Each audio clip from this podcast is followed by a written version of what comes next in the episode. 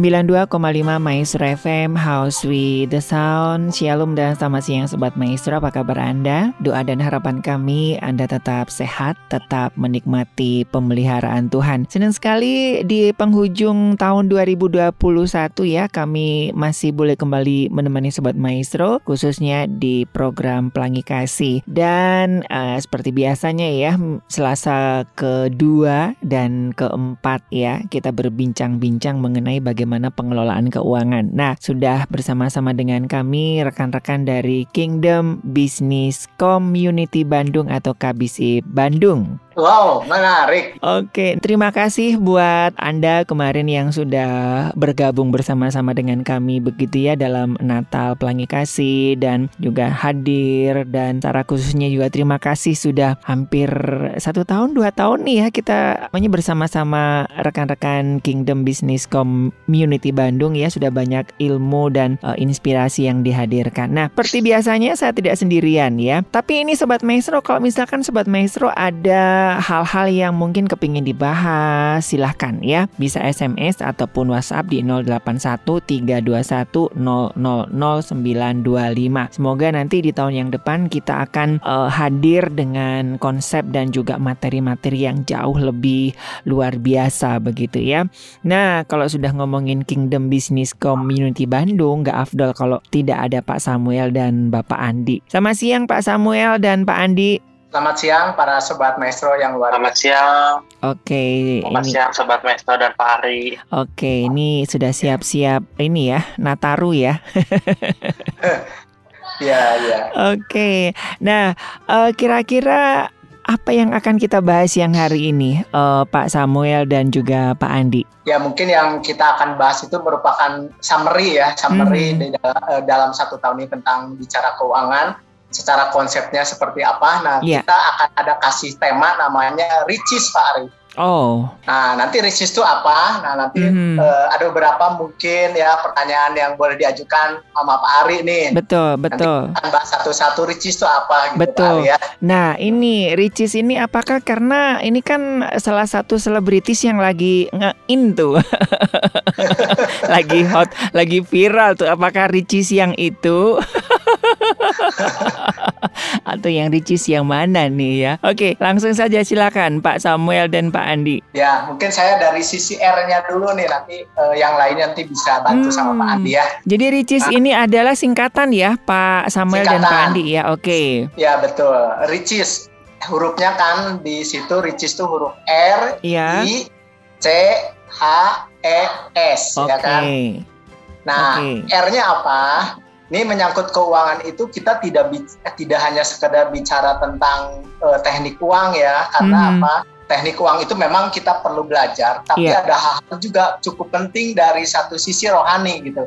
Nah, R yang pertama ini rohani Pak Ari. Oh, dari okay. jadi kita kita membahas keuangan ini uh, selain teknik-teknik yang kita udah ajarin ya, aplikasi-aplikasi seperti dana darurat, budgeting, uh, uh, proteksi mm-hmm. uh, dan lain-lain frugal living kita pernah bahas bagaimana begitu uh, karyawan yang 2 juta bisa pensiun dini ya, ya seperti betul, itu ya. Betul, betul. Nah, tapi ada hal-hal yang memang kita tidak boleh lepas dari satu sisi rohani nih Pak Ari. Mm-hmm. Nah, pertanyaan yang pertama itu dari sisi rohani yang harus kita tanyakan adalah yang pertama nih kan ini menyangkut keuangan ya Pak Ari. Iya.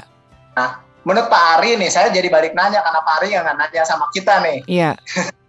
Bolehkah kita berkeinginan cepat menjadi kaya, Pak Ari? Ya boleh lah, Pak. Oh, boleh ya. Boleh lah. Ya kalau bisa, kalau bisa kaya kenapa enggak? Soalnya kan ya, ya. lebih lebih baik hidup dengan uang daripada hidup tanpa uang kan setengah mati, Pak.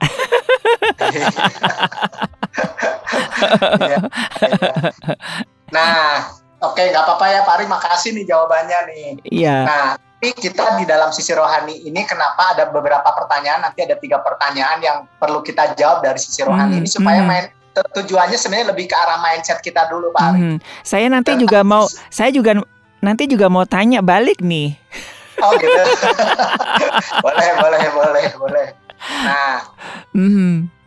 Kita tetap akan jawabnya itu dari sisi firman ya Pak Arya, yeah. bukan dari sisi asumsi kita. Hmm. Karena kalau dari asumsi asumsi kita kan kebenarannya jadi relatif. Iya, betul. Tapi kalau kita gali dari firman Tuhan mudah-mudahan menjadi kebenaran yang lebih mutlak lah ya. Iya. Seperti itu. Nah, eh, pertanyaan ini kenapa diajukan dari sisi rohani? Bolehkah kita berkeinginan cepat menjadi kaya? Itu hmm. ada ayatnya itu di Amsal 13 ayat 11 tadi. Hmm. Nah, ayatnya tuh begini bunyinya di terjemahan baru, harta yang cepat diperoleh akan berkurang. Hmm. Ya, tetapi siapa mengumpulkan sedikit demi sedikit menjadi kaya. Nah, artinya gini, uh, bolehkah kita berkeinginan cepat? Ya, ini ada kata cepatnya. Oh, wah, ini jebak jebakan Batman ya. Jebakan Batman ya. saya saya kalau udah ngomongin kaya itu kayaknya udah samar yang lain-lainnya, Pak. Samar ya. Iya iya iya. Oke. Okay. Nah, nah kalau misalnya uh, dikatakan bahwa uh, harta yang cepat diperoleh akan berkurang Pak Ari. Mm -hmm. Nah ini mm -hmm. ini adalah satu nasihat-nasihat yang cukup bagus dari yeah, yeah. Uh, Raja Salomo karena dia adalah orang yang pernah mengalami bagaimana dia kaya, bagaimana dia adalah raja yang terkaya boleh dikatakan seperti itu sampai dia membuat membuat satu amsal-amsal yang bijak untuk mm -hmm. kita orang-orang yang hidup saat ini tidak terjebak seperti yang pernah dialami oleh salah satunya mungkin Raja Salomo, Salomo ya. Iya. Nah, jadi bolehkah kita berkeinginan cepat menjadi kaya? Menurut Amsal 13 ayat 11 itu, kalau orang yang berkeinginan cepat kaya, katanya hartanya akan cepat, uh, harta yang cepat diperoleh itu akan cepat berkurang. Mm -hmm, Kenapa? Mm -hmm. Karena apa Pak Ari? Ka karena gini orang-orang yang uh, uh, ingin cepat kaya tentunya minimal gini apa yang akan dia lakukan biasanya akan uh, banyak ya uh, karena pengen cepat kaya jadi segala cara bisa diambil Ari Mm-hmm. Betul ya. Yeah. Jadi dia mungkin ada norma-norma yang memang uh, harusnya dijalani karena dia pengen cepat kaya, maka dia akan uh, bisa saja melanggar norma-norma itu. Dan kalau dilihat itu ada beberapa hanya kasus ini namanya kasus tidak semua uh, uh, apa terjadi.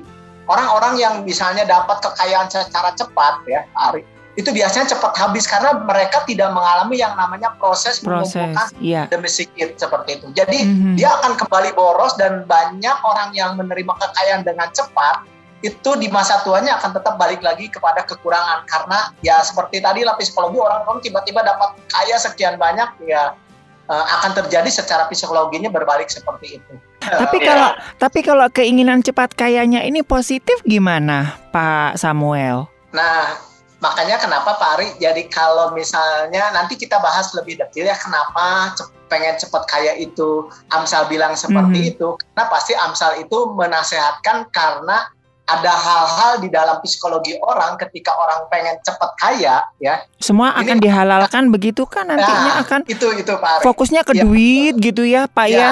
jadi ya, bukan lagi betul, ke Tuhan betul. si pemberi berkat ya jadi duit aja gitu fokusnya gitu betul, apakah betul. seperti itu kah Ya Pak Ari, nanti ini bicaranya nanti itu bicara nanti cinta uang. Ya, oh. Ya, makanya di satu Timotius 6 ayat dikatakan nanti ada pertanyaan selanjutnya. Orang uh, orang uh, orang uh, uh, apa akar dari segala kejahatan itu cinta uang, ya kan? Mm. Okay. Nah, uangnya sih netral, benar nggak Pak Ari? Uangnya tidak berdosa, netral. Mm -hmm. Tapi cinta ini, fokus kita inilah yang membuat akhirnya menjadi akar dari segala kejahatan. Nah, kenapa jadi akar? Karena apa? Karena kalau orang udah fokusnya di uang, maka uang itu akan membutakan segala sesuatu, Pak Ari. Iya. Iya. Nah ini yang gantian saya mau tanya nih sama Pak Samuel dan ya, Pak Andi. Boleh, boleh. Kalau ngomongin uang itu rohani atau sekuler Pak? Nah. Ayo. Bingung saya jadinya kan? uang itu sebenarnya netral Pak Ari. Iya. Uang itu netral. Uang mm -hmm. itu tidak ini tidak sekuler. Nah, tetapi ketika kita bicara motif daripada tujuan hmm. daripada uang itu, itu bisa jadi rohani, bisa jadi enggak rohani, Pak. Oke, okay. iya. Gitu. Jadi kembali ke motivasi dan ininya ya, embel-embelnya yang itu ya, Pak ya. Betul, betul, okay, betul. Makanya okay. di Kingdom uh, Financial KBC itu ada moto ya, Pak Ari, mm -mm. menjadi benar. Yes. Nah, itu rohani sebenarnya. Kita harus menjadi benar dulu dari sisi firman. Mm-hmm. Nah, setelah menjadi benar, menjadi besar. Nah, kalau menjadi besar tentunya kan ada ilmunya ya Pak Ari yang harus yeah, kita kerjakan. Yeah, betul. Ya kan? Nah, nanti tujuan akhirnya itu menjadi berkat Pak Ari. Mm. Gitu. Yeah, yeah, yeah. Jadi bukan kalau tujuan awalnya udah salah e, menjadi buat diri, buat diri, buat diri ya udah itu bukan lagi uh, mengejar sesuatu tujuan yang mulia yaitu membuat diri sendiri udah balik lagi ke ego masing-masing Pak ya. hmm, ya. Iya, iya. Jadi intinya kalau kita ngomongin tentang uang ini adalah sebuah alat ya, Pak ya, yang ya, netral. Tinggal betul. bagaimana kita menggunakannya dengan motivasinya seperti apa begitu ya. Makanya di Alkitab itu kan antara Allah dan Mamon itu kan sama-sama berdampingan dan huruf besar semua nih. Tinggal mau betul, diarahkan betul. ke mana gitu ya kiblat kita begitu ya. Betul betul Pak hmm, Bahkan okay. yang bisa menggantikan posisi Tuhan itu Mamon. Ya itu kekuatan terbesar. Iya. Kekuatan makanya jangan menja jangan dijadikan dua tuan dan disandingkannya yes. sama mamonnya bukan sama iblis ya benar nggak Pak? Betul, betul, betul, nah, betul. Itu. Karena Tuhan tahu yang bisa merubah pola pikir orang, hati orang itu mamon Pak. Betul. Iblis bisa ditengking, tapi kalau duit, nah. oh aduhai. Tengkingnya susah ya Pak. Bener nggak Pak Andi? betul Pak, betul betul. Dan kalau saya nggak salah ingat ada kan ya Pak Sem ya yang pernah mengelompokkan gitu ayat tentang uang, ayat tentang iman, ayat tentang doa. Hmm. Iya hmm. Ingat nggak Pak Sem? Betul. Dan ternyata Tuhan berbicara banyak tentang uang ya. Iya. Hmm. Karena memang menurut Tuhan itu penting. Mm-hmm. Mm-hmm. Lo nggak Pak Sem? Betul betul betul sekali betul sekali. Uh, itu kemarin kita bahas ya itu jadi saya, karena walaupun saya bahas juga kemarin kita sama-sama angkanya agak lupa juga hampir 5000 sekian bicara yeah. tentang uang. Yes, betul. Gitu. Betul. Betul. Iya, kalau di Alkitab tidak serta merta uang sih ya tentang dinar, tentang uh, mata-mata ya. uang begitulah ya. Dan intinya ya itulah sobat maestro ya, kita bisa nengking setan lah, tapi kalau nengking jarang ya ada nengking duit gitu, Pak. kalau bisa duit makin banyak begitu kan. Kan ya, ya. anak Tuhan harus kaya, Pak. nah, ini kan doktrin-doktrin yang kita mesti harus bijak begitu ya, Pak ya. Nggak salah, nggak salah, tapi kembali lagi ya, apakah kita untuk kemuliaan Tuhan atau untuk kemuliaan diri. Nah, itu yang penting sesuai dengan moto dari Kingdom Business Community ya, menjadi benar, ya, betul. menjadi besar dan menjadi berkat ujungnya. Kalau nggak jadi berkat ya artinya itu untuk mamon lah. Begitu ya, Pak ya. Betul, betul. Oke. Okay. Nah, terus hari gini, ini kan tadi pertanyaan menggelitik yang pertanyaan yang pertama tuh tadi, bolehkah berkeinginan nah. cepat menjadi kaya? Kita tahu udah jawabannya ya Pak Arya. Oke. Okay. Jadi keinginan cepat kaya itu nggak boleh lah istilahnya. Jadi di situ kuncinya adalah cepat itu ya Pak ya, ya bukan ya. masalah kayanya loh ini ya. Bukan, bukan. bukan. Nah kita keinginan cepat kaya. Nah. Kan? Saya nggak denger ya. tadi Pak soalnya, udah ngomongin oh, kaya, udah samar yang lainnya. nah ini pertanyaan kedua nih Pak. Iya. Tipis-tipis, tipis-tipis juga, tapi ya. kita akan lihat lagi. Bolehkah kita hanya berkeinginan menjadi kaya, Pak Nah, Nggak boleh dong. Cuman nah, kepingin gak ada action. nah, kepengen kepingin menjadi action. Nah kalau ada actionnya gimana? Tapi ini keinginannya loh, tujuannya loh Pak Ari. Aduh. Hanya berkeinginan menjadi kaya. Aduh, gimana ya? ya ke ya ya jujur lah saya manusia ya uh, ya kepingin lah pak kepingin jadi kaya nggak ada orang kepingin jadi miskin nggak lah aku pengen jadi miskin aja gitu kan? Gimana ya. Pak Samuel? Nah, coba. Pandi mau jawab juga nggak Pandi? bolehkah kita hanya berkeinginan menjadi kaya?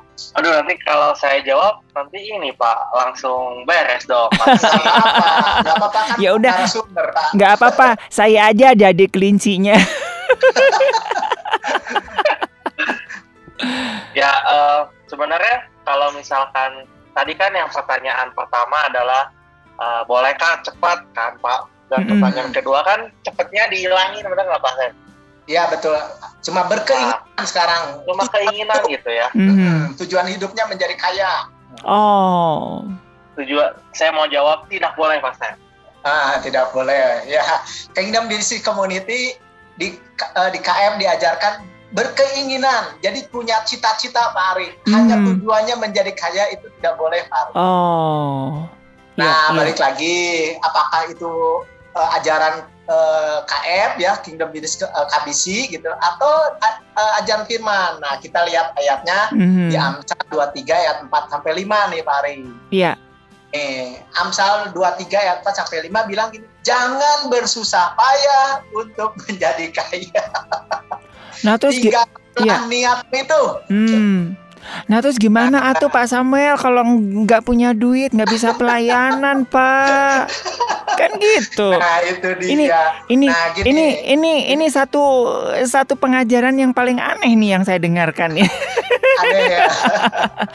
ya. Menarik makanya okay. di, di summary ini ya. menarik. Pak betul menarik betul banget. betul. Betul. Hmm. Aneh di satu sisi kan, ya gimana Pak? Kita kan ke gereja kan juga butuh duit Bapak, gitu kan. Gimana kita bisa menolong orang kalau kita nggak punya uang Pak Samuel, gitu kan? iya. Oke. Okay. Nah, sekarang kita bahas sedikit nih, ya. Pak Ari. Iya. Nah, katakan jangan bersu kata kata Amsal Salomo lagi bilang jangan bersusah payah mm -hmm. untuk menjadi kaya, tinggalkan niatmu itu. Waduh, malah disuruh ditinggalkan niatnya itu, Pak. Mm -hmm. Nah, mungkin Pak Ari pernah uh, pernah tahu ya ayat firman Tuhan yang di mana Tuhan bilang lebih mudah seekor yeah. masuk ke melalui lubang, lubang jarum, jarum lubang betul. yang di sebelah uh, pintu bait Allah tuh kecil banget tuh ya mm -hmm, Pak Ari. Mm -hmm. Nah dia bilang Le lebih susah, lebih mudah seekor unta masuk melalui lubang jarum daripada seorang kaya mm. masuk ke dalam kerajaan Allah, benar mm. kan? Iya betul. Nah, ini yang waktu Tuhan ayah. Yesus ini ya waktu anak muda yang kaya raya kepingin ikut Tuhan ya. Jadi itu kan iya. kan juga hampir senada ya. Suruh jual hartanya, suruh kasih orang begitu. Baru ikut Tuhan betul. gitu.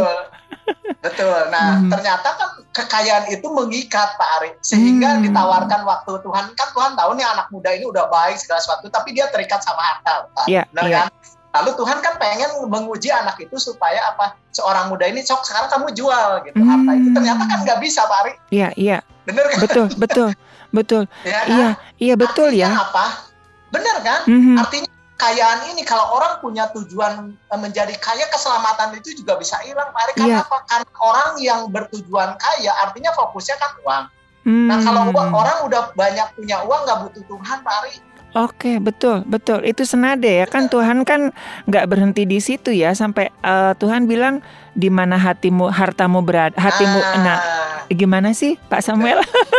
di mana hatimu berada, di mana hartamu berada, di situ hatimu berada hatimu gitu ya. berada, hmm, betul. Okay. Jadi ha, ha, yes, uh, yes uh, di mana hatimu berada atau di mana hatimu berada nih kembali ke ini udah lupa nih di mana hartamu berada di situ juga hatimu berada mm -hmm. kan begitu ya mm -hmm. jadi mm -hmm. kalau hati kita ada di kekayaan maka hati uh, ha, uh, uh, apa uh, ke, uh, harta benda kita ada di kekayaan tujuan hidup kita ada di kekayaan maka hati kita akan di situ iya yeah dan kecenderungan kalau Pak Ari lihat orang-orang kaya yang bisa segala uh, dengan karena apa terus terang aja dengan kekayaan bisa beli segala sesuatu Pak Ari. Iya betul, betul. Iya. Bahkan kalau Pak Ari mungkin kan juga seorang evangelis, itu paling susah menginjili orang kaya Pak Ari. Pak, Pak jangan jangan bawa-bawa gelar Pak. Pak kalau udah ngomongin duit jangan bawa-bawa gelar Pak. Oh gitu ya. Pak Mali katanya. Pak Mali ya. Enggak sih. Ya. ini mah ini mah cuman nembak aja. hmm, ya ya. Uh, uh, nah, tadi ini ya. di di ayat yang uh, tadi kan bicara Yesus pernah uh, mengilustrasikan bahwa orang kaya itu or, kenapa orang itu nggak boleh punya ambisi untuk kaya karena mm -hmm. apa? Mm -hmm. Kalau orang punya ambisi untuk kaya berarti kan kalau misalnya kita punya keinginan berkeinginan hanya kan dalam tanda petik hanya berkeinginan menjadi kaya artinya seluruh ambisi keinginan yes. kita seluruh kehidupan kita ada di situ Pak. Iya betul setuju. Nah jadi akan ada ham, jadi akhirnya nanti bisa hampir mustahil orang kaya yang punya tujuan ya karena anak pengen kaya misalnya saya pengen kaya bisa jadi mustahil Pak uh, Pak Ari saya untuk bisa masuk kerajaan surga. Kenapa? Karena karena mamon ini menggantikan Tuhan masalahnya. Hmm, iya, betul. Itu. Betul. Ya. Betul. Itu pun kalau kita mempelajari ya semua para nabi-nabi itu kan dibawa ke padang gurun semua ya Pak ya. Hmm. Di padang di artinya dienolkan benar-benar hatinya fokus sama kayak Musa itu kan kurang apa kayak rayanya begitu kan akhirnya betul. Tuhan bawa ke padang gurun kan betul ya supaya okay. muncul sesuatu yang bagus ya Pak Ari betul tidak betul. tidak tidak berfokus di kekayaan ya betul Pak. sama ya. Tuhan Yesus sendiri kan juga 40 hari 40 malam dilarikan ke padang gurun begitu ya nah kalau KBC itu nanti neranginnya itu komplit Pak Ari hmm. ya kalau jadi komplit mappingnya komplit ya, jadi kita ya dengan dua pertanyaan ini aja kita cukup berpikir secara mindset Betul, Terus betul. kita lihat di 1 Timotius 6 ayat 9 itu mm. Pak Ari mungkin ayat ini yang sering kali juga dipakai ya oleh para uh, para pengkhotbah ya. Bahwa dikatakan tetapi mereka yang ingin kaya kan tuh di sini sesuai kan? Iya. Yeah. Bolehkah kita hanya berkeinginan kaya? Di Timotius bilang mereka yang ingin kaya ya berarti tujuan hidupnya ingin kaya terjatuh ke dalam pencobaan. Mm -hmm terus terjatuh ke dalam pencobaan, terus ke dalam jerat, yeah. ke dalam berbagai nafsu yang hampa, yang dapat mencelakakan, yeah. yang menenggelamkan manusia ke dalam keruntuhan dan kebinasaan. Oh, mm. karena katanya akar yeah. segala kejahatan ialah cinta uang. Yeah.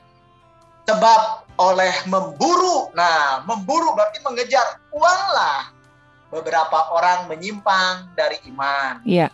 Dan menyiksa diri dengan berbagai duka. Cukup jelas sih uh, ya. ayat ini kan betul, Arya benar betul, ya. Betul, Jadi tanda so, jadi tanda seseorang yang punya keinginan uh, uh, keinginan fokusnya uang itu akan jadi cinta uang Pak Ari. Hmm. Nah, kalau yang cinta uang ini pasti otomatis dia cita-citanya ingin kaya hanya ya. itu loh ya, hanya ya, ingin ya. kaya. Yeah. Terus da dari mana uh, orang yang se uh, sekarang ingin kaya tentunya akan memburu uang, benar nggak? Betul, betul. Nah, betul. udah memburu uang ya balik lagi pertanyaan pertama pengen cepat kaya. Kalau hmm. udah pengen cepat hmm. kaya, ya segala cara dihalalkan. Kalau misalnya orang negosiasi bagaimana cara masuknya dengan kompetitor bersaing, caranya apa? Ya nyogok Ari. Iya, udah nggak iya. lagi nggak lagi benar, benar nggak? Betul, betul, betul, betul, nah, itu, betul, betul, betul, betul. Jadi setuju ini nggak Pak Andi? Sangat setuju dong. Setuju ya. Pak Andi jangan setuju setuju aja, kasih insight dong Pak Andi. Ayo sudah Pak Andi. Cukup lengkap sih, sudah cukup lengkap. Sudah cukup ya. Uh, dari Pak Sam, tapi uh, saya tadi uh, ingin meng, apa sih mengangkat kembali nih apa yang tadi Pak Ari kemukakan ya tentang mm. gimana dong kalau misalkan nggak punya uang nah. nggak bisa nolong orang dong. Iya. Nggak bisa kita jadi berkat dengan memberi dong. Itu kan betul, betul, ya. Betul, Nah, kalau misalkan yang saya pelajari selama ini sama Pak Sam itu kita harus mengerti dulu nih, kita harus tahu dulu nih apa sih kata atau janji Tuhan mm. kepada kita mm-hmm. tentang kekayaan. Benar nggak yeah. Pak Sam? Betul, betul. Nah, jadi pertanyaannya nih kalau misalkan di tadi dua ada dua pertanyaan yang sebelumnya kalau misalkan kita bikin pertanyaan yang ketiga bisakah kita menjadi kaya? Kira-kira begitu betul nggak mas mm-hmm. betul sekali. Nah Pak Ari pertanyaan yang ketiga itu yang Pak Ari ungkapkan. Nah Pak Ari boleh jawab Pak Ari? Aduh apalagi nih Kata, kata Pak Andi gini, sekarang mm-hmm. pertanyaannya kalau tadi kan bolehkah orang berkeinginan cepat kaya, yeah. berkeinginan hanya untuk kaya. Nah sekarang bisakah ya Pak Ari? Mm-hmm. Ini pertanyaannya ini Pak Ari. Bisakah kita menjadi kaya Pak Ari? Mm. Kan beda Pak Ari pertanyaannya. Boleh bisa dan bisa. Jadi kaya. Huh? Ya bisa sih. Bisa ya Pak Ari. Bisa. Nah ini yang menariknya tuh di Ricis itu ketika masuk dari sisi rohani, bisakah kita menjadi kaya? Mm-hmm. Nah kita akan lihat contoh-contoh uh, uh, secara cepat saja, yeah. contoh-contoh di Alkitab nih Pak Ari. Mm-hmm. tokoh-tokoh siapa yang kaya dia di Alkitab? Ya, saya sebutin uh, secara cepat aja ya. Abraham. Iya. Yeah. setuju ya? Iya. Ishak, Yakub, Yusuf, Ayub, Esther, Boas, Daud, Salomo. Itu di perjanjian lama itu orang-orang kaya. Kaya-kaya semua, betul. Dan, hmm, dan itu menjadi inspirasi kita kan di Alkitab ya menjadi tokoh-tokoh yang menginspirasi kehidupan kita, betul mm -hmm. ya Pak Ari? Mm -hmm. Nah, di perjanjian baru ada nggak yang kayak ada Pak Ari? Salah satunya Yusuf Arimatea. Betul. Ya, Betul. Dia, Filemon, Priscilla, yeah. Aquila itu yes. orang kaya Pak Ari. Betul. Nah, satu contoh aja Yusuf Arimatea ya. Yusuf Yusuf Arimatea ini kan uh, dia punya kubur ya kubur iya yang, yang dipakai yang, Tuhan yang Yesus itu, itu ya. dipakai untuk Yesus betul yeah. kan? Mm-hmm. kalau bukan orang kaya bisa nggak negosiasi? Kamu saya ya kalau orang kaya kan pasti terkenal betul ya, betul ada kapasitas atau apa. Bisa nggak meminta mayat Yesus ke Pilatus Pak? Iya, ya bisa karena dia kaya, dia punya power nah, karena, gitu. Nah, karena dia kaya. Nah, ya oleh sebab itulah kita melihat di sini orang-orang kaya di Alkitab itu menjadi inspirasi-inspirasi yang besar. Kenapa? Karena mereka punya tujuan yang mulia, Pak Ari. Oh, I see. Yes. Iya. Yeah. Nah, gitu, Pak Ari. Mm -hmm. Mm -hmm. Bisakah kita menjadi kaya? Tentunya bisa, tapi bukan tujuan, Pak Ari. Oke, okay. iya. Yeah. Ya, bukan tujuan hidup kita, bukan fokus hidup kita, tetapi kalau kita pengen kaya, maka ada yang namanya nanti kita riches ini yang akan kita bahas. Gimana supaya kita um, apa uh, Tuhan Tuhan itu punya kerinduan loh Pak Ari.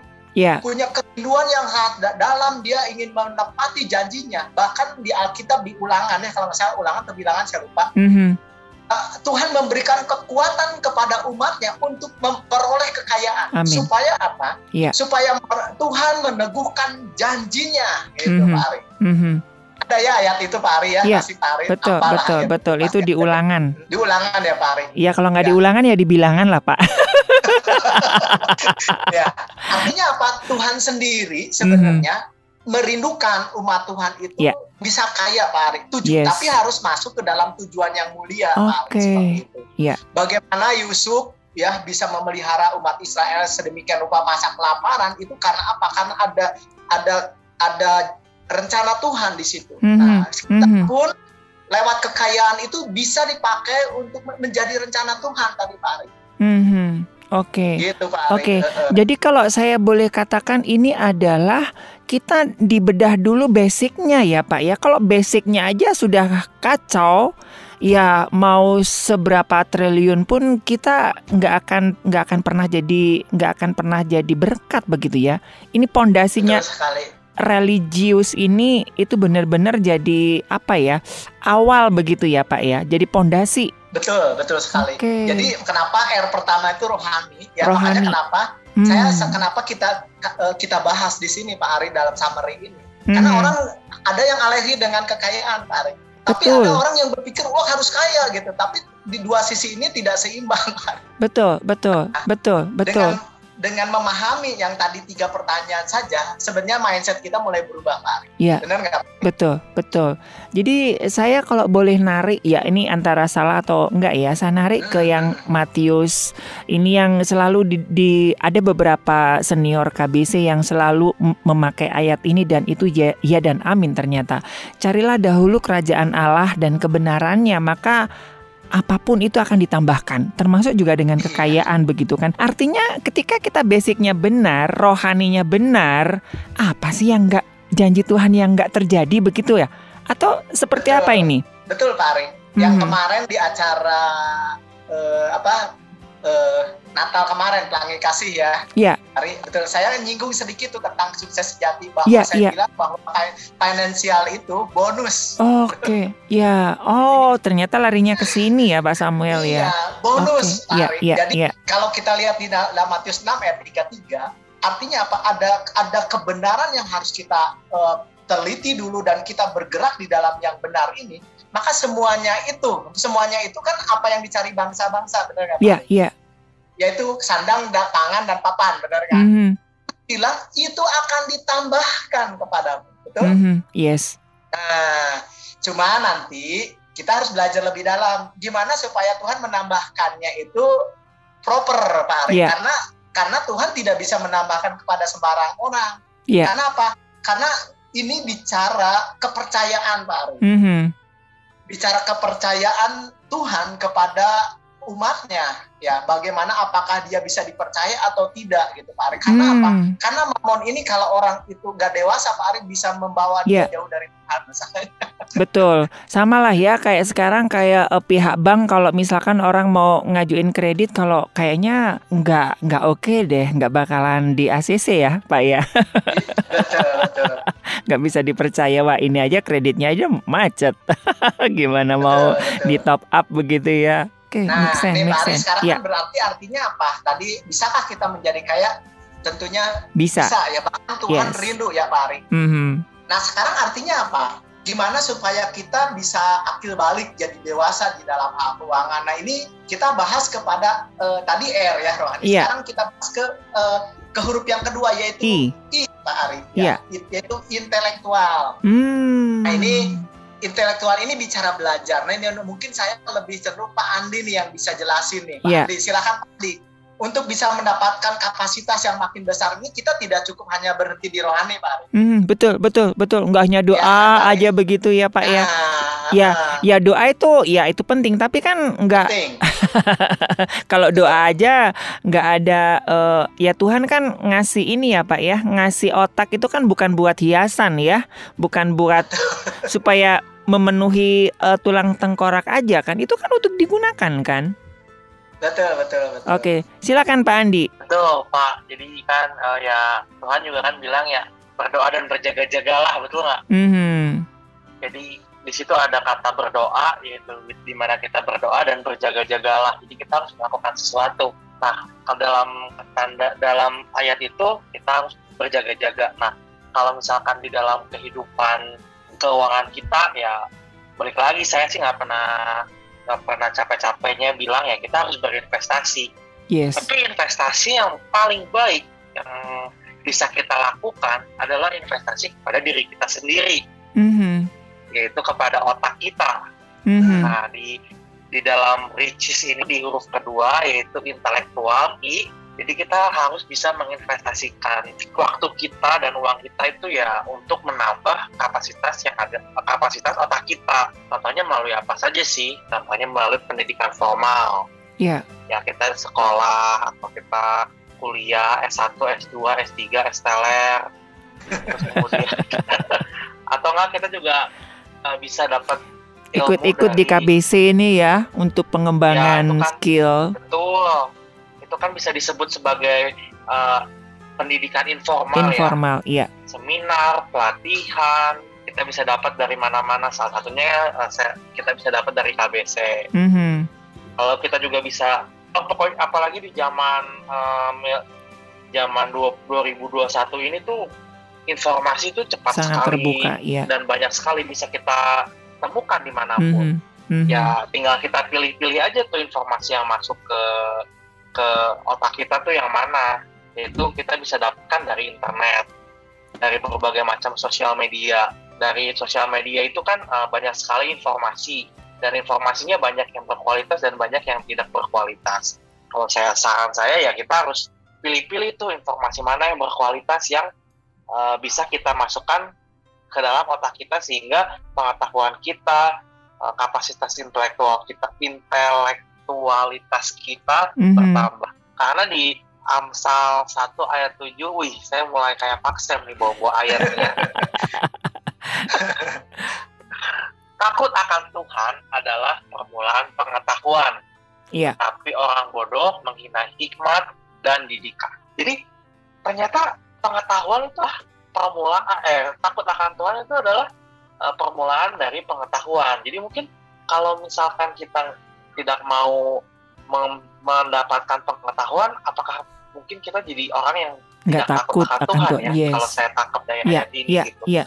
Bahaya sekali kalau kita hidup tidak takut akan Tuhan. Dan juga uh, di Amsal 13 ayat 16 itu ada tertulis orang cerdik bertindak dengan pengetahuan, tetapi hmm. orang bodoh, orang bebal membeberkan kebodohannya. Mm -hmm. Nah, ya inilah uh, orang cerdik bertindak dengan pengetahuan. Saya balik lagi kasih contoh kalau misalkan kita berinvestasi. Kalau misalkan kita mau berinvestasi itu kita harus bertindak berdasarkan pengetahuan. Yeah. Jangan kita asal masuk, asal loncat, terus akhirnya kita uh, jatuh ke jurang gitu. Mm-hmm. Di ayat di Alkitab sendiri pun udah dikasih tahu tuh orang yang bijak itu bertindak orang yang cerdik sorry bertindak sesuai dengan pengetahuan. Mm-hmm.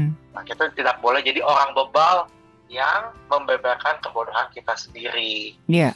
Contohnya kalau misalkan kita tarik lagi ke tema besar kita tahun ini ya, tadi kan terlalu umum ya. Mm-hmm. Um, kita tarik ke dalam tema besar kita tahun ini tentang keuangan ya kita tuh harus belajar tentang fondasi-fondasi dasar dalam keuangan yang tiga awal pelajaran awal kita tuh yeah, mari yeah.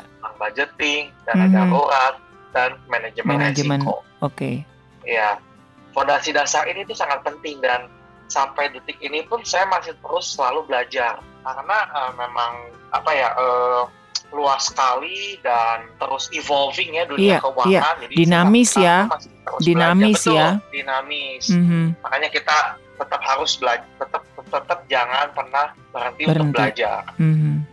Nah, kemudian uh, yang tadi udah saya singgung sedikit, kalau misalkan tentang intelektualitas di keuangan itu adalah kita tuh harus uh, mempelajari mekanisme pasar. Maksudnya apa nih? Ya yeah. kan kalau dari kemarin kan saya uh, banyak bicara investasi itu di pasar modal. Nah, Betul. Nah, kita tahu kita kita harus mengetahui mekanisme perdagangan di pasar modal. Jangan mm -hmm. kita asal masuk tanpa mengetahui uh, situasi dan kondisi begitu ya. Situasi kondisi dan ini yang paling penting Pak mekanisme perdagangan. Oh yes, ya ya ya. Penting loh. Betul betul. Kita misalkan ya mau beli saham A, tapi kita nggak ngerti nih antrian, mm -hmm. antrian, uh, antrian jual saham kan jual beli saham kan sistemnya uh, lelang ya. Iya iya. Nah, kita nggak ngerti nggak ngerti antri kita jual nggak ngerti nih uh, mau jual langsung ternyata malah jualnya jadi antri jadi nggak jual hmm. gimana nah itu kan sangat penting betul betul betul jangan cuma tahu untungnya aja jangan cuma tahu pengen dapat cuannya aja tapi kita harus ngerti hmm. hal-hal hmm. kecil seperti itu jam perdagangan mekanisme perdagangan di bursa itu itu penting juga pak okay. karena ya membantu kita untuk berinvestasi yeah. mm-hmm. yang mungkin kemudian yang berikutnya mungkin uh, mempelajari apa itu fungsi-fungsi asuransi mm-hmm. di luar sana kan uh, asuransi kan banyak jenis banyak yeah. merek banyak model banyak modelnya gitu kan nggak cuma asuransi A, B, C model A, asuransi model B itu kan ya kita uh, kalau nggak tahu terus kita asal beli kan bahaya juga kalau memang ternyata kita ternyata tidak cocok dengan produk tersebut. Betul, betul. Makanya kita harus belajar. Gitu. Mm-hmm, mm-hmm. Jadi ini ya itu, mau jadi, menggarisbawahi bahwa investasi dan asuransi itu uh, berbeda ya Pak ya? Iya betul. Oke okay, oke. Okay. Kalau misalkan nggak belajar, nah, tahu, kan? Nah, betul. Betul. Betul, saya kemarin juga salah sebut gitu. Adi bilang, "Mas Ari, asuransi itu bukan investasi gitu." Oh, gitu ya. Iya. Oh, nah, kita nanti kan salah naruh apa namanya telur. Iya. Benar. Oke. Okay. Sama ini yang paling mengerikan nih, Pak. Mm -hmm. Di telepon dikasih pinjaman dengan bunga flat. Oh, Waduh. Okay. Iya. Betul. Kita harus bisa bedakan bunga flat, bunga efektif. Nah, itu orang salah kaprah, orang bisa salah masuk, bisa mm -hmm. terjeblos dengan utang yang sangat besar, Pak. Mm -hmm. Iya. Karena, hmm. iya, sama lanjut, Pak. Iya, ini kemarin juga ada uh, seorang teman yang bilang, oh ini saya mau ikut ini gitu kan. Loh, Om udah tahu itu mekanisme enggak pokoknya saya punya duit saya mau masukin kan udah tinggal tiap bulan loh om ini harus gini gini gini kok repot ya ya emang begitu mekanismenya Wah. begitu caranya Bahaya. dia pikir iya dia ngerasa bahwa dia punya duit nih terus untungnya wah iya. lumayan gede gitu kan wah Betul. ini nah, nah, dengan mengetahui mekanisme, mekanisme perdagangan pasar, mm -hmm. dengan mm -hmm. mengetahui mekanisme investasi, kita itu bisa jadi mencium dalam tanda petik okay. apakah investasi yang ditawarkan kepada kita itu aman atau enggak, investasi yang money game atau tidak. Betul. Begitu, Pak. Betul, betul. Saya hari ini tuh dicerahkan dengan kata-kata ini yang uh, tadi ayat dikutip oleh Pak Andi ya, berdoa dan berjaga-jaga. Ayat ini kan selalu digunakan untuk berjaga-jaga menunggu kedatangan Tuhan datang kedua kali ya. Ternyata ini berjaga-jaga. Iya betul nggak ini Pak Andi dan Pak Samuel? Saya baru baru kepecah nih. Enggak, Pak Ari. Jadi gini kalau memang konteks itu memang kita harus balik ke konteks berdoa dan yeah. jaga-jaga di ayat itu tentang apa tapi kita bisa uh, kita boleh aplikasikan oke okay. yes yes yes nah, jadi bahwa bahwa itu dulu situasinya bahwa kita harus berdoa dan berjaga-jaga tentang kedatangan Tuhan. Nah sama juga dengan kita juga eh, dalam kehidupan sehari kita harus berdoa, tapi kita harus juga berjaga-jaga yes. terhadap Eh, sesuatu yang buruk yang akan terjadi dalam diri kita nih Pak Arin. Artinya mm -hmm. apa? Kita nggak boleh membiarkan uh, hal yang buruk itu terjadi dengan kita. Ya caranya dengan apa? Dengan cara kalau kita lihat di kitab Amsal yaitu kita dengan cara belajar Pak. Yeah, yeah, supaya yeah. supaya intelektual kita, pengetahuan kita bertambah. Mm -hmm. Karena dengan adanya pengetahuan kita sebenarnya jadi lebih susah ketipu Pak Arin. Betul. Betul? Betul. kan? Karena karena jadi tahu misalnya saya Uh, sekarang mungkin Pak Pak Andi lebih banyak di bidang uh, di bidang keuangan yang lebih detail ya Pak Ari. Sekarang tuh lagi musim Pak Ari yang namanya manajer. Saya di Telegram aja di add lagi di add lagi. Mm-hmm. Itu naruh sejuta Pak Ari bisa dapat tujuh juta. Kebayang siapa yang nggak mau Pak Ari? Mm-hmm. Mm-hmm. Hmm. Mm-hmm. Yeah. Tapi dengan pertanyaan kalau orang yang tujuannya kaya, pengen cepat kaya itu tuh jalur yang paling cepat Pak Ari oh, untuk satu yeah. juta jadi tujuh juta atau bisa berapa jadi sekian juta. Mm-hmm. Tapi karena mm-hmm. kita belajar di KF ini bersama-sama nih Pak Ari, nggak akan mau Pak Ari masuk situ karena apa? Karena akan ada resiko yang besar ya uang kita akan hilang entah berapa lama. Yeah. Gitu ya. Mungkin okay. Pak Andi bisa kasih contoh nih Pak Andi yang sekarang lagi marak ya Pak Betul, betul. Mm-hmm. Ya, mm-hmm. kemarin kan Oktober sempat kejadian tuh heboh. Mm. Uh, kan sempat heboh tuh money game. Mm-hmm. Berkedok perjaga perdagangan berjangka ya. Iya. Yeah. Itu ya kayak gitu tuh. Kita dikasih info, suruh beli, suruh jual dalam satu minggu. Uh, modal 5 juta bisa jadi 15 juta. Wow, tuh. Mm-hmm, mm-hmm. Luar biasa kan? Siapa yeah. yang nggak mau? Yeah. Tapi akhirnya gimana? Uangnya jadi uang monopoli, Pak. Oh. Aku orangnya udah. Iya. Hilang iya. udah. Ya, Pak. Semua. Pak Andi ya cuma enam bulan ya kalau nggak salah. Ya. Benar nggak Pak? Iya dari bulan Juni. Mm-hmm. Ya. Oke. Okay. Jadi artinya apa yang disampaikan Pak Samuel dan Pak Andi antara takut akan Tuhan dan pengetahuan itu seperti uh, apa namanya dua ke, uh, sekep, dua dua dua mata uang yang nggak bisa dipisahkan ya Pak ya. Jadi itu nyambung gitu. Betul betul betul Pak. Oh, I see. Oke okay, oke. Okay saya sampai dengar ya yang tadi yang uh, kasus yang cuma enam bulan itu saya itu juga dengar dari temen katanya. Mm-hmm. ada temen taruh 8 m pak. Di situ modalnya habis. Sedih juga sih tapi entah benar entah enggak. Cuma cuma dengar ikutan yang begitu 8 m raih pak. Bayangin pak. Iya modal, iya. pak. betul betul. Saya kemarin juga eh, sorry di... bukan 8 m bukan pak. 800 juta. Iya. Ya kalau misalnya ini pendengar radio maestro uh-huh. uh, belajar dulu hati-hati. Jangan yes. sampai uang Tuhan percayakan itu tiba-tiba dibawa orang kan mm -hmm. sedih nanti ya mm -hmm. lebih baik mm -hmm. kita bertanya walaupun hasilnya sedikit hasilnya sedikit demi sedikit tapi Tuhan bilang ke, ke, uh, seperti tadi di Amsal orang yang mau fokus sedikit demi sedikit akan menjadi kaya gitu jadi kalau kalau ada tawaran-tawaran yang pengen cepat menjadi cepat kaya lebih baik lebih curiga gitu lah karena betul uh, uh, kita juga sudah banyak hikmat-hikmat yang kas, Tuhan kasih lewat firman Tuhan ya Pak. Betul, betul. Dan dari pemerintah, OJK dan lembaga-lembaga keuangan pun tidak henti-hentinya ya Pak ya me betul, betul. menyuarakan hal ini ya. Pokoknya berhati-hatilah dengan tawaran-tawaran yang instan begitu ya. Kalau betul, tidak salah saya dengarkan dari OJK sendiri, dari lembaga-lembaga keuangan begitu. Betul, betul. Mm-hmm. Nah, okay. hari kan tadi kita ini belajar pertama itu I-nya itu intelektual. Jadi intelektual. belajar dulu ya Pak Ari. Iya. Nah, tapi kan belajar itu kan tidak cukup hanya belajar, Pak Ari kan perlu diaplikasikan, benar nggak? Oke, okay, betul. Nah, perlu diaplikasikan. Tadi kan Pak Andi udah kasih advice kan, mm-hmm. belajar itu, belajar itu supaya kita tidak tertipu, supaya kita juga bisa apa namanya uh, melakukannya dengan benar. Nah, yang uh, yang kedua itu uh, dari intelektual ini uh, perlu diaplikasikan. Nah, diaplikasikannya itu dengan huruf C, Pak. Cakap, Pak. Oke. Okay.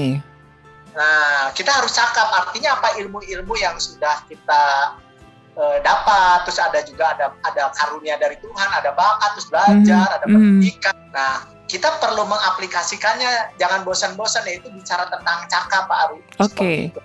Mm-hmm. Ya, nah uh, kenapa harus cakap? Karena kalau kalau kita hanya teori Pak Ari dapat gitu ya, oh saya dapat dari ilmu-ilmu terus kita nggak pernah uh, aplikasikan berarti kita nggak akan pernah cakap. Iya. Benar nggak Pak? Iya. Ya, betul, betul. Saya belajar dari Kingdom Finance, uh, terus belajar dari Pak Andi tentang investasi gitu apa. Itu sudah uh, salah satu contoh aja gini Pak Ari kan saya juga suka uh, karena memang bukan bidangnya ya Pak mm -hmm. uh, Pak Hati mm -hmm. nerangin misalnya tentang saham gitu tapi sayanya kan misalnya nggak pernah praktek yeah, nggak yeah. mudeng nih sebenarnya belum mudeng sih ya memang jadi teori aja Pak Ari tapi tidak cakap Pak Ari dan itu tidak real di dalam kehidupan akhirnya Pak Ari Iya betul. Saya jadi ingat betul, ya? uh, apa namanya dengan teman saya ya dia hobi ngumpulin sertifikat gitu. Ini bukan sertifikat tanah dan sertifikat rumah, tapi sertifikat pelatihan pelatihan ikut seminar, tapi nggak pernah terjun. Ya, Sertifikatnya tuh wah banyak banget, ada puluhan begitu, tapi nggak pernah terjun gitu. Ya di dunia, ya. saya lebih banyak di dunia broadcast ya. Dia ikut seminar uh, bagaimana cara public speaking, gimana caranya dia ngemsi, caranya dia di radio. Itu sertifikatnya banyak. Oh, aku pernah ikut gini-gini, tapi nggak pernah jadi hmm. penyiar, nggak pernah jadi MC, nggak pernah uh, apa namanya uh, jadi mimpin seminar lah. Cuman ada di dia seneng begitu ngumpulin sertifikat.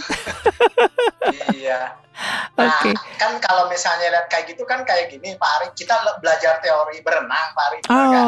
iya. Uh, belajar teori berenang tangannya harus begini, kepalanya harus begini, tapi nggak pernah ngejebur kayak hmm, Iya, iya, iya. nggak akan pernah bisa ya Pak Ari, karena apa? Karena nggak ngejebur kan, bener ya Pak Ari. Mm -hmm, kayak tadi mm -hmm. speaking belajar apa kalau nggak mau ngejebur ya nggak akan bisa. Iya, ya? iya, betul, nah, betul, betul. Nah, kalau saya ngelihat gini, ini Pak Andi nih salah satu yang mungkin uh, Pak Andi juga pasti kan belajar dulu. Nah, untuk bisa cakap berarti praktek ya Pak Andi, benar tiap hari ya Pak Andi, melatih. Betul. Ya, benar ya? Ya, kalau kata teman saya tuh, uh, kalau kalau lu mau uh, good at something, minimal spend sepuluh ribu jam oh, yes. hal tersebut. Mm -hmm jadi waktu itu teman saya itu kan guru juga dia ngajar anak kecil lah buat ngajar musik ya uh, terus uh, maminya nanya gitu atau orang tuanya nanya pak ini biar anak saya bisa jago kapan nih bisa jago jawaban dia gini kapan anak ini bisa habisin sepuluh ribu jam gitu aja mm-hmm. ya menurut saya cukup bagus ya kita iya. sepuluh yeah. ribu jam gitu uh, menekuni apa yang kita mau tekuni udah pasti kita jadi semakin ahli Iya. Nah kalau misalkan kita sedang menekuni apa ya misalkan ya main piano aja ya yang gampang. Mm-hmm. Kita sedang menekuni uh, kecakap kita ingin cakap main piano tapi kita baru habis 100 jam terus kita menyerah masih jauh bro betul masih ada 900 jam lagi loh betul. yang mesti lo habiskan supaya lo bisa benar-benar cakap apa yang namanya eh, cakap dalam sesuatu hal nah, kalau kalau dari contoh tadi itu hmm, main piano ya mm-hmm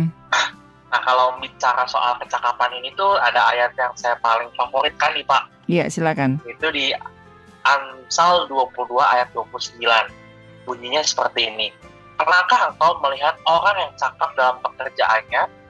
Di hadapan raja-raja ia akan berdiri, bukan di hadapan orang-orang yang hina. Nah dari sini tuh uh, saya juga termotivasi gitu ya. Mm -hmm. uh, untuk menajamkan kecakapan saya. Kenapa? Karena saya pengen berdiri di hadapan raja-raja.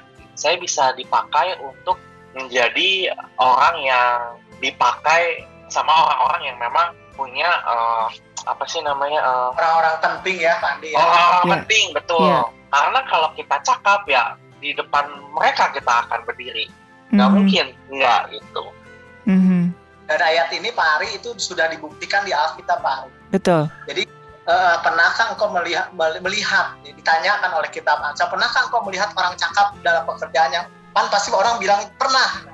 Dia bilang di hadapan raja-raja ia akan berdiri. Nah contoh-contoh di Alkitab kita tidak bisa pungkiri ya. Contoh Yusuf yes. kan cakap benar nggak Pak Ari? Mm -hmm. Yusuf berdirinya di mana?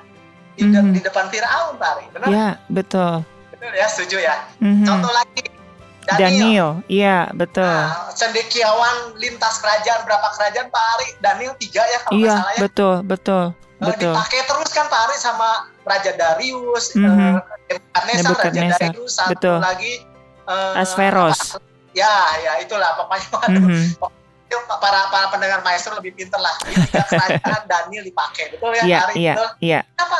Karena dia ada seorang cendekiawan, orang yang cakap, dan dia berdiri di di raja-raja. Mm-hmm. Satu lagi contoh Nehemia, ya yeah. itu juru, juru minum raja, itu orang dekat dengan raja. Dia orang cakap pak. Mm-hmm. Ya kalau kita nganggapnya juru minum raja tuh kayak pembantu, tapi pada saat itu posisi yang cukup tinggi. Cukup ya, tinggi, Pak, betul ya. betul. Orang nah, kepercayaan lah. Nah saya ngelihat gini, Pak Andi aja tadi bilang gini, saya masih terus belajar, saya terus melatih. Artinya apa? Untuk menjadi cakap itu uh, tidak bisa dengan instan. Bahkan di penelitian tadi yang Pak Andi bilang harus 10.000 jam ya. Mm-hmm. Itu kita latih dan saya pernah ngitung 10.000 jam itu berapa? Itu Pak Ari gini. Sehari kalau di ini kalau saya lupa uh, tepatnya, kalau kita ambil aja satu hari setengah jam Pak Ari itu butuh berapa tahun Pak Ari? Mm-hmm. Untuk kita bisa 10.000 jam. Kalau nggak salah 10 atau 15 tahun saya lupa. Ya. Setengah jam sehari Pak Ari. Dan Betul. itu nanti 40 tahun kemudian itu ahli Pak. Jadi Betul. Betul, nah, betul. Itu di ilmu komunikasi juga seperti itu, Pak, diajarkan. Ya, betul, betul. Hmm. Jadi untuk satu jam kita tampil, kita butuh waktu satu tahun untuk persiapan. Hmm, Hmm, okay, okay. untuk satu jam loh. Satu jam siaran kita harus butuh satu tahun untuk persiapan. Menarik, menarik, menarik. Gitu. Menarik. Oke. Okay. Ya. Iya, sobat maestro, pembahasan ini sangat menarik begitu ya. Tapi ya karena keterbatasan waktu ya, kita harus putuskan sampai di sini dulu ya. Kita akan sambung di Selasa yang akan datang nih sobat maestro ya untuk melanjutkan tentang riches ini ya. Jadi jangan sampai lewatkan pelangi kasih bersama Kingdom Business Community Bandung. Oke, Pak Samuel dan Pak Andi apa yang bisa kita simpulkan sementara untuk bahasan kita uh, siang hari ini, Pak Samuel dan Pak Andi? Ya, kalau uh, bottom line-nya dari saya adalah uh, gak usah kita ngejar kaya. Kenapa ya? Karena tadi kaya itu uh, bonus dan udah janji Tuhan lah, itu udah pasti Tuhan kasih. Tapi yeah. yang mesti kita kejar adalah kita harus menjadi benar dari segi rohani, dari segi emosi dan dari segi dari uh, behavior kita. Lalu kita harus menjadi besar dari segi intelektual dan intelektualitas dan dari sisi kecakapan. Dan kemudian kita harus menjadi berkat bagi kota kita. Kalau dari saya hampir sama, agar kita dapat diperbesar kapasitas keuangan oleh Tuhan, Pak Arya. Amin. Yang pertama, jangan ingin kaya dengan cepat. Yes. Insan ya. Mm -hmm. Yang kedua, jangan berambisi atau bertujuan ingin menjadi kaya, tapi lakukanlah dengan setia enam prinsip ricis yang tadi Pak. Ya Sobat Maestro, sekali lagi terima kasih buat kebersamaan kita dan semoga apa yang sudah dibagikan oleh Pak Andi dan juga Pak Samuel dari rekan-rekan Kingdom Business Community Bandung atau KBC Bandung bisa menjadikan satu resolusi ya buat kita di tahun 2022. Dari Gerah Maestro Jalan Kaca Piring 12 Bandung, saya Ari dan juga rekan Junius beserta Pak Samuel dan Pak Andi dari Kingdom Business Bisnis Community Bandung atau KBC Bandung mengundurkan diri dari program Pelangi Kasih. Semoga program ini bisa menginspirasi kita untuk menjadi benar, menjadi besar, dan menjadi berkat. Selamat menyambut Natal dan Tahun Baru. Tuhan memberkati.